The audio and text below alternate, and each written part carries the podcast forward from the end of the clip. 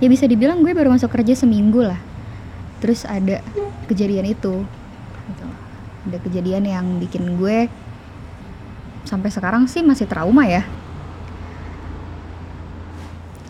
Gue Arina gue punya cerita soal kejadian yang bikin gue trauma untuk berangkat ke kantor.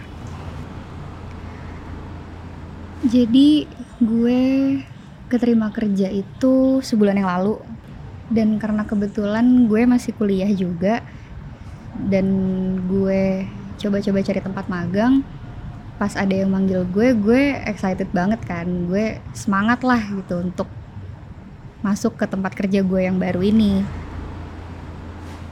Jadi pas gue keterima di kantor ini gue juga cerita ke orang tua gue kan ini kantor segede apa.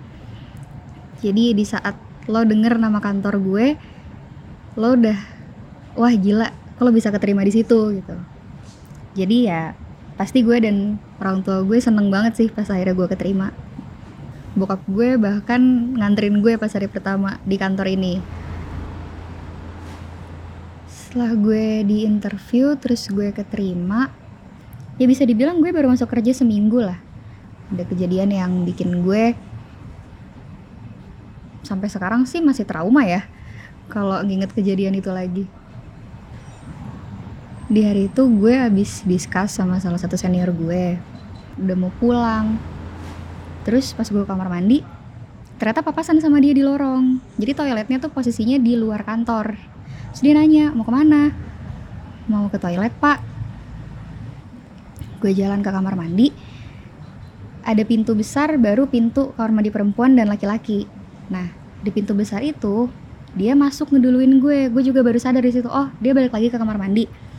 Terus dia bilang lagi sepi ya nggak ada orang. Terus pas gue mengarah ke kamar mandi perempuan ternyata dia masih di belakang gue. Pas dia di belakang gue dia megang-megang pinggang gue dia remes pinggang gue pinggang sebelah kanan sambil dia bilang hayo lo hayo lo sepi nggak ada orang takut nggak akhirnya gue langsung lari ke dalam karena gue pikir dia nggak mungkin dong ngikutin gue sampai ke dalam pintu kamar mandi perempuan. Pas gue di dalam gue kaget. Gue masih yang hah kok tiba-tiba gue dipegang-pegang? Gitu loh. Gue bener-bener langsung tangan gue tuh dingin banget. Gue yang panik gue nggak tahu harus ngapain. Gue kayak mau nangis tapi lo panik. Jadi lo nggak tahu lo mau nangis apa apa mau ngapain gitu loh. Tapi lo panik bawaannya tuh bener-bener yang gue takut banget. Sampai gue ngabarin cowok gue. Gue ngechat dia awalnya gue bilang yang aku takut. Habis itu gue ditelepon sama cowok gue kan kenapa kenapa?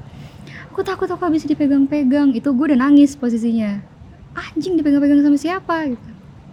Ada dipegang-pegang sama senior aku. Di mana? Di kamar mandi. Gila ya udah lo ke sini aja sekarang gue ke kantor cowok gue. Di situ gue baru mikir oh gue harus cerita nih ke bos gue. Akhirnya gue chat bos gue. Setelah gue ceritain kejadiannya dia cuma ketawa kayak oh gitu. Ya udah besok aja diomongin lagi di kantor. Dan pas mediasi pun mereka menganggap gue yang terlalu gampang ngobrol sama orang gue yang terlalu gampang diskus atau terbuka lah sama orang. Kata mereka ya kamu sih terlalu banyak ngobrol sama orang kamu terlalu gampang cerita-cerita sama orang makanya orang punya penilaian yang berbeda sama kamu. Bos gue bilang hal-hal kayak gitu tuh biasalah terjadi di tempat kerja. Udah nggak usah dipikirin ya anggap aja itu pendewasaan buat kamu gue pun jadi mikir yang enggak enggak ke diri gue apa ada yang salah apa ada yang berlebihan dari sikap gue di kantor. Gue sampai nanya ke temen-temen gue ada nggak sih yang berlebihan dari diri gue kemarin? Sampai akhirnya kok orang kayak gitu ya ke gue. Gue sempet mikir kayak gitu. Senior gue yang ngelecehin gue gak diapa-apain. Iya pandangan gue ke orang-orang yang ada di sana pasti jadi berubah terutama ke bos-bos gue ke senior-senior gue karena ya gue takut banget hal itu keulang lagi. Dan gue harus bangun pagi lagi gue berangkat lagi ke kantor. Yang gue inget kejadian itu lagi. Setiap gue mau ke kamar mandi gue jadi was was gue jadi takut ada yang ngikutin gue nggak? Ada yang bakal giniin gue lagi nggak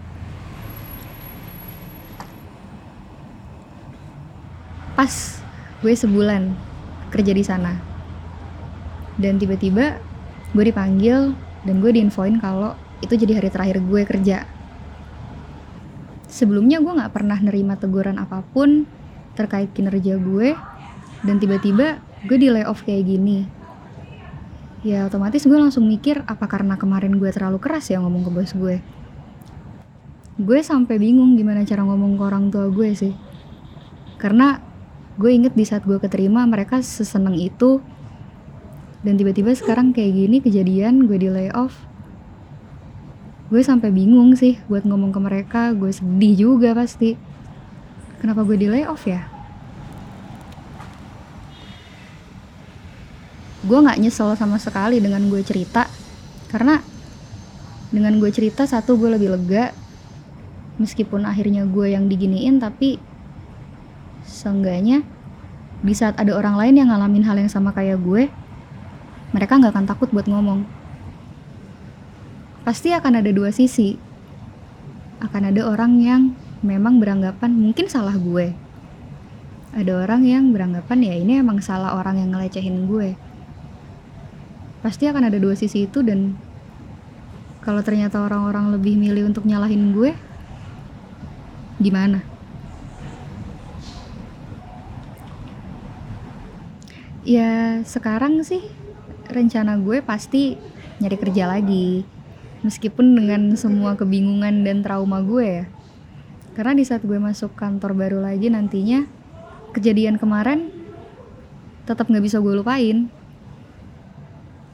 Yang bikin gue mikir gue tetap harus bangun lagi gue tetap harus beraktivitas lagi kayak biasa gue punya banyak keinginan dan mimpi yang harus gue raih.